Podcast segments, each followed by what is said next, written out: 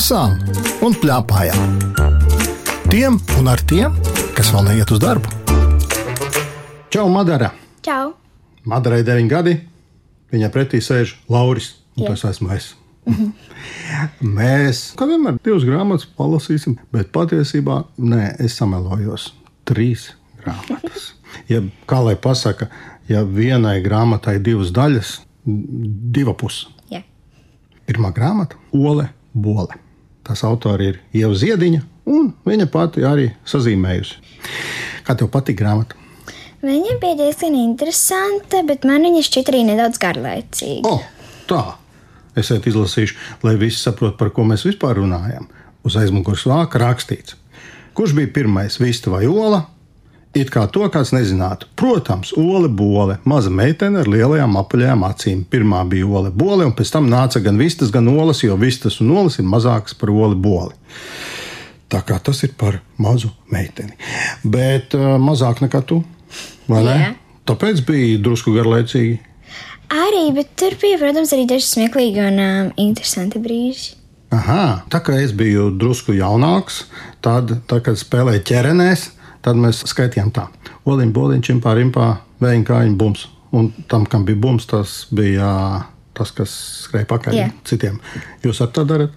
Jā, Vai ir kaut kāds cits skaitāmais? mēs tā mēdzam darīt, bet mēs arī skaitām uz kājām. Nu, nu kā? Mēs uh, saliekam kājas kopā un tad skaitām līdz desmit, un tam, kuram ir desmit, tas vēl kājā ārā, un tas, kurš paliek pēdējais, tas ir vada. Šī tāda es nebiju redzējis. Būs jāpamēģina. Kad tu ieraudzīji nosaukumu Ola Bole, ar ko tev tas tā šita, par ko tas būs? Man šķiet, ka tas būs par olām. Tāpēc es sāku par to skaitīšanu, par to oliņu, boliņu. Man šķiet, ka tas būs varbūt par ķērenēm. Bet nav par vienu, par otru. Tas ir vienkārši par šo meiteni. Kas tev šķita tas interesantais? Tas, ka Ola Bola domāja, ka D vitamīna pie viņas paša atnāks, tas bija tik dīvaini. Kas ir D vitamīns? Varbūt tie, kas mūs klausās pašlaik, nesaprot, par ko iet runa. D vitamīns ir tas, kas tev palīdz eh, būt eh, fiziskā formā un veselīgam. Un viņi domā, ka tie D vitamīni paši pie viņas atnāks. Nu, nevis paši atnāks, bet viņai būs viņa jāķer. Tas man arī patika. Tā nodaļa, kur viņa ķer vitamīnus. Jā, kur viņi iet sauļoties. Nevar saprast, kā noķert vitamīnu. Tev ir kāds gabaliņš, ko tu nolasītu? Jā, Ola bola apgulās un sāka gaidīt, skatījās riņķī un apkārt, bet nekā nemanīja nevienu vitamīnu. Aizmirsa mammai pavaicāt, vai vitamīni atnāks kājām, lidos pa gaisu vai skraidīs apkārt. Jā, šis ir mulsinošs, bet mamma, ja viņa teica kaut ko par D vitamīniem, tad taču vajadzēja instrukciju, vai ne? Nu, pārsvarā arī. Tie vecāki tādi ir, ka viņi aizmirst instrukcijas iedot. Viņi vienkārši kaut ko pasakā, man viņiem, viņiem tas viss ir zināms. ā." Dažreiz. Jā. Es šito esmu pamanījis. Es pats ar tāds vecāks esmu dažreiz pasaku, un tas cilvēks stāv un blisina acis. un Es nevaru saprast, ko viņš nesaprot. Es nosīšu gabaliņu, kas man patīk. Mm -hmm. Viņi laikam sadusmojās, jo teica, lai mazā meitene labāk noslaukot putekļus. Tas būšot vieglāk. Ah, neko darīt. Olu bolu ņēma rokās lupatu, pakāpās uz ķeblīšu un ķērās pie darba bet putekļi bija tik mazi, ka tikko varēja saskatīt. Ola bola gan atstātu putekļus vēl paaugties. Kad tie būtu lielāki, tad varētu paņemt katru putekli atsevišķi rokās, pārunāties ar to un apslaucīt. Putekļi kļūtu viņas draugi, bet vecmāma jau atkal neļautu. Ah, Ola bola pastiepās uz pirksteliem, lai noslaucītu augstāko plauktu. Nē, es kādreiz domāju par tiem putekļiem. Tev ir dažreiz bijis tāds pienākums putekļus slaucīt. Dažreiz. Man tas šķiet visgarlaicīgākais pienākums. Jā. Man arī šķiet, ka foršāk ir, ka kārtīgi saput, un tā var redzēt. Citādi taču nav ko slaucīt. Liekas, Jā. tāds bezjēdzīgs pasākums. Mm. Vai ne? Saki, tur bija stāsts par to, kā Ola Bola nevarēja izdomāt, par ko viņa gribētu būt. Jā. Tu zini, par ko tu gribi būt? Es vēl domāju, arī. Bet man ir doma, ka es gribētu būt māksliniece vai flautiste. Mākslinieks tas ir tas, kas zīmē kaut ko. Jā. Mhm. Kāpēc tieši flauta? Tāpēc, ka es pat mācos spēlēt flautu, un tas ir ļoti skaists instruments. Ja kāds redzētu tevi tā, kā es redzu, tad man šis to, jā, tev flauta piestāv. Bet zini, kas tur bija tāds interesants, ka Ole Bole baidījās šausmīgi no tā, ka viņa nezina, kas viņa grib būt, viņai bija bail, viņai likās, tas būs traki, tas būs šausmīgi, tas būs briesmīgi. Tev arī Jā. tā kādreiz bijis. Man tā nešķiet. Tas varbūt arī bija. Varbūt, jā.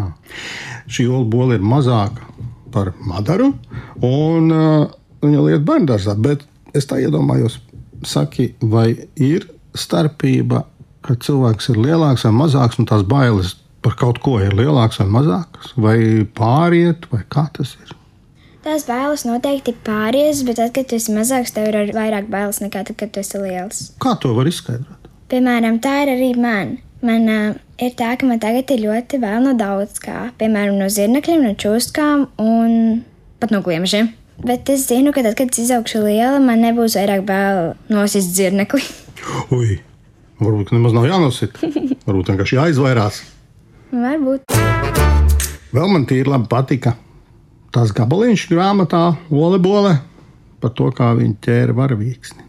Jā. Tad kādreiz ir bijis tā, ka ir kaut kas, šķiet, ka ir ļoti tuvu, kā Olebole. Un tu ej, un ej, un ej, un ej, un izrādās, nekas nemainās. Jā, man tā vienreiz bija. Man tas bija nevis ar iešanu, bet man tas bija ar tēti, kad mēs peldējāmies.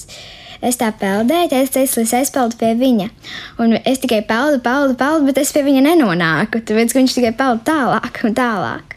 Nu, Bet tad jau viņš ir viltnieks. Vai ne? Varavīksne jau pati nekur negāja. Viņa vienkārši bija tur, kur viņa bija. Jā. Bieži tā ir dzīvē, ka ah, es jau visu zinu, un pēkšņi ir pārsteigums. Jā, tā maz būtu. Tas man bija skolā dabas zinību pārbaudas darbā. Es um, sapratu vienā uzdevumā, ka ir jāpasaka, kura malā ir upei. Un tad es tā domāju, ka man ir jāapgriežas, lai saprastu, bet izrādījās ar speciāli, bet tā, lai man nebūtu jāapgriežas. Un es tā tur sajaucu, ka es apgriezos un uzsvēru tieši nepareizo atbildi. Tas ir, kur ir labā un kur ir kreisā. Jā, Klausies, tu atšķiri labo un kreiso pusi. Mm -hmm. Laimīgā. Man iet grūti. Kā tu iemācījies? Nu, mums skolā mēs ļoti bieži trenējamies ar to, jo mums, piemēram, sportā, kad mums sākas stunda, tad mums skolotāji saka, uz labo, tad mēs pagriežamies uz labo, tad uz kreiso, tad mēs pagriežamies uz kreiso. À, tu vienkārši atceries, ka tad visi griežās uz to pusi, un tad tā ir labā. Mm. Jā. Būs jāsāk trenēties. Kā tev patīk olas bolas zīmējumi? Viņi bija nedaudz smieklīgi, jo izskatījās, ka tu zīmē bērnu dārznieks. Vai ne? Nu, es nezinu, vai es varētu tieši tādus uzzīmēt, bet um, man laikam sanāk kaut kas līdzīgs tam uzzīmēt. Man dažreiz šķita, ka man tas zīmējums šķiet interesantāks. Vēl par to, kas tur tajā lapā ir uzrakstīts. Jā. Un tāda atkal ir lapā, varbūt interesanti. Un atkal zīmējumu tos var pētīt. Samērā daudz, ne? Mazas sīkas tādas visādas detaļiņas, ko var pētīt. Tāda ir volejbola. Pajautāsim tam tētim, ko viņš domā par šo grāmatu. Ole Bole. Man liekas, ka tas ir eh, savā ziņā tāda katra bērna autobiogrāfija nedaudz, jo tur bija izstāstītas un aprakstītas dzīves epizodes, kuras, eh, manuprāt, ik viens bērns piedzīvo savā sākuma stadijā. Un, eh, lasot, eh, varēja just, jā, ka autore droši vien atsaucas arī uz savu bērnību. Un arī es saskatīju tur kaut kādas bērnības, ikdienas ainiņas, ja gribās pašam iet uztaisīt ēst, ja tur uzcep pankūks, un tad nu pats to arī darījies. Ja, un es esmu liels un nevajag man traucēt. Tāpat Ziemassvētku dāvanu saņemšana, un ka nedabūt to, kas gribēts, ja, un, un, un tā. Katrā ziņā varētu papildināt, ja? O, es domāju, jā, šai grāmatai var noteikti daudz turpinājumus rakstīt, un katrs.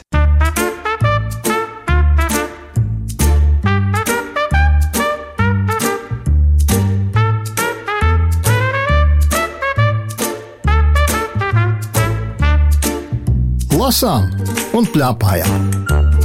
Tiem un ar tiem, kas vēl neiet uz darbu.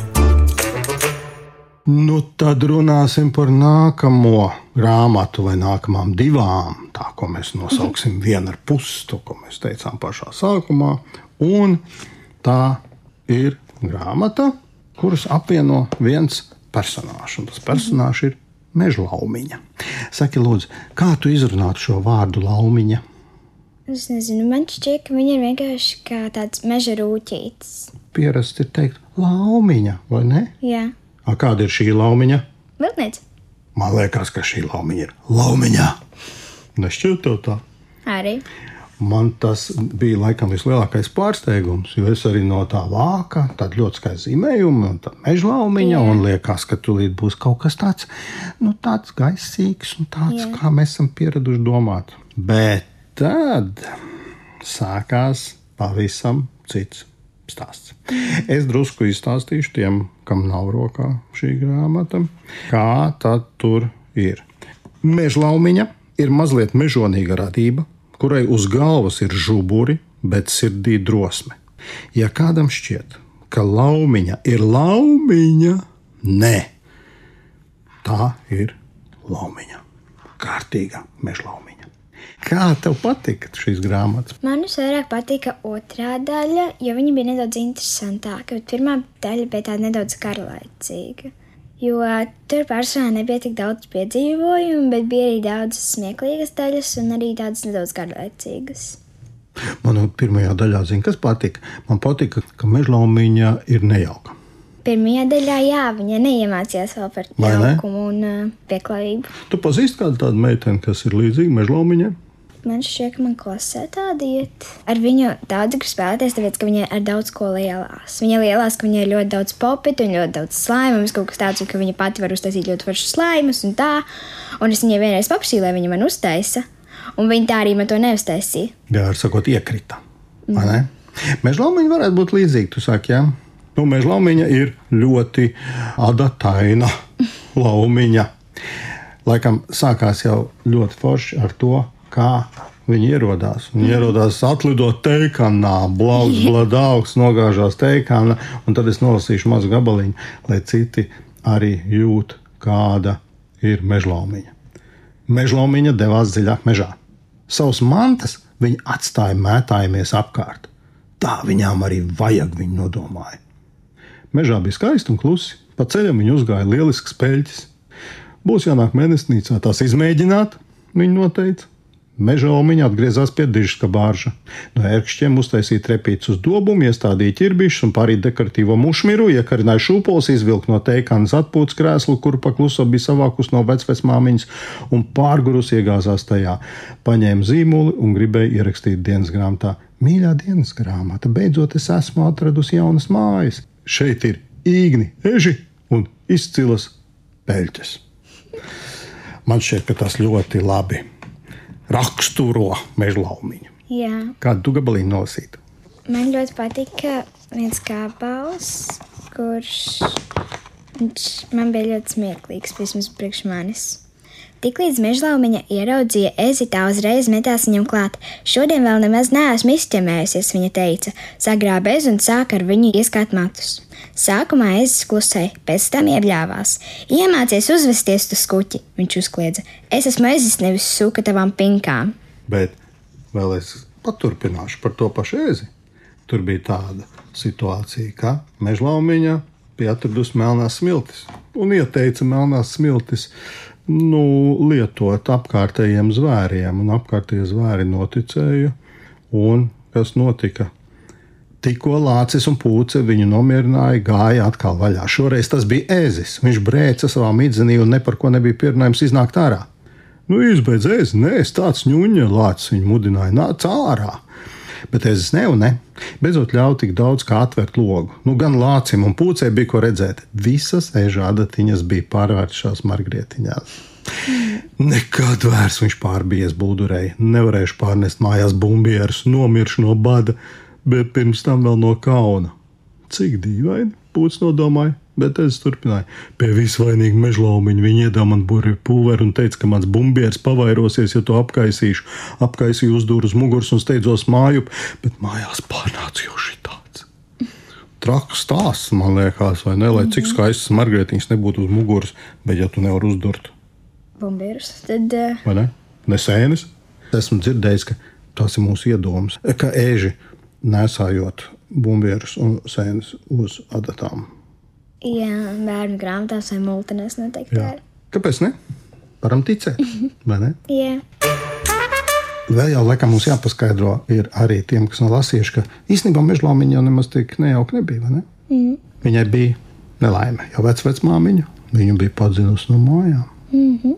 Nu, bet uh, viņa padzina tikai tāpēc, ka tā vecmāmiņa arī ir ļoti īkna un tāpēc, ka mežlāmiņā saplēs porcelāna krūzītes dēļ tasīt. Jo par porcelāna tasītēm nu, nav jau jāizdzen ārā no mājas. O par ko ir? Es pat nezinu par ko. Vai ne? Dīvainas tās vecās, vecās, vecās, vecās, vecās māmiņas dažreiz ir, vai ne? Mm -hmm. Bet tālāk viņa rīko, nu, kā jau šai mezlomiņai pienākās, briesmu stāstu konkursu. Un tur ir briesmīgais ežēnais ežums un dusmīgais pret šausmīgo šausmoni. Kādreiz briesmu stāstus es stāstīju. Nu, mēs mēdzam to darīt tad, kad mums ir garlaicīgi. Tad mums nav garlaicīgi, bet tad mums ir bail pat iziet no manas istabas. Tad mēs vienkārši nomierinamies un tad skrienam pie manas mammas. Fū, tu brāli kādreiz arī biedējusi Jā, ar briesmu stāstiem? Nē, mēs, piemēram, tad, kad spēlējam paslēpes, es paslēpjos kaut kur. Nu, ja es, piemēram, slēpjos skāpī, tad es nedaudz pieteicu durvis, un tad es redzu, kā viņš paiet garām. Un tad teica, man mēdz pamanīt, kā, piemēram, vakar. Tad Pauls neatrada mani manā istabā, un tad teica, tā teica, bet varbūt uh, skāpī ir. Viņš tā paskatījās skāpī, un es tā, bum! Oh, Un viņš tad nobies. Tu teici, tev palīdzēja viņu biedēt. Jā, Man tie labi patīk pirmā grāmata ar to, ka mežlaumiņa bija nejauka, un mēs sākam saprast, kāpēc viņa ir nejauka, bet pamazām, pamazām visiem ielēja. jā. Vai ne mežlaumiņa? Man ļoti patika pašas beigas šai grāmatai. Tad, kad mežlaumiņa aizlidoja prom, visi teica, hm, mums kaut kas trūkst. Un man šķiet forši. Un tad sākās otrā grāmata. jā. Kā otrā sērija. Kā tev patīk bildes šajā grāmatā? Man patika bildes, jo viņas bija krāsainas. Un es no viņām varēju arī iztēloties, kā tas notika dzīvē. Jo dažreiz ir tā, ka ir pelēkas bildes, un tad man nesanāk ļoti labi iztēloties, kā tas notiek dzīvē. Šīs grāmatas autori ir Jana Bauere, un to zīmējusi ir Karolīna Stola. Cik ātri izlasīja? Pirmo es izlasīju pa divām, otru pa trīs, un tad uh, trešo es izlasīju pa vienu dienu. Viena nedēļa brīvlaikā. Mm -hmm. Mierīgi. vai ne? Jā. Un tie ir interesanti nedēļa Jā. ar šīm divām grāmatām. Jā. Interesanti, ko tavs tētis saka par mežlaumiņu. Patika, kā stāsts virzās uz priekšu. Man liekas, ka tā vairāk būs bērnu auditorija, un ka es vienkārši nu, viņu lasīšu tā, lai es viņu izlasītu un saprastu, par ko tur ir uh, stāsts. Bet lasot tā grāmatu, tik tiešām uh, tā kā paņem sevi, tas stāsts aizrauj, un tev gribās turpināt lasīt, lai saprastu, kas ar to meža laumiņu, kas ar tiem zvēriem notiek, kā tālāk attīstās dzīve mežā. Un, un tur atkal uh, es saskatīju tādu līdzību ar, ar pieaugušo dzīvi. Jo man šķiet, ka ikvienam tam meža zvēram katrs cilvēks savā ģimenes vai draugu lokā var atrast kādu draugu vai ģimenes locekli, kurš atbildīs ezim, susurim un, un arī meža laumiņai un visiem pārējiem tiem iemītniekiem. Jo tur bija viss, kas notiek katrā pieauguša cilvēka dzīvē - strīdi, dusmas, salapšana atkal. Un, un tādas ļoti pazīstamas ikdienišķas dzīves situācijas, kas šajā gadījumā ir pārnestas meža dzīvē. Paldies, Madara! Ar Madaru runājās Lauris Gunders, raidījuma redaktori Agita Bērziņa, skaņu režisori Valdis Raitums un Kristīna Dēlle. Raidījumu vēlreiz var noklausīties Latvijas Rādio 1 jaunajā lietotnē, mājaslapā un arī arhīvā. Tiekamies!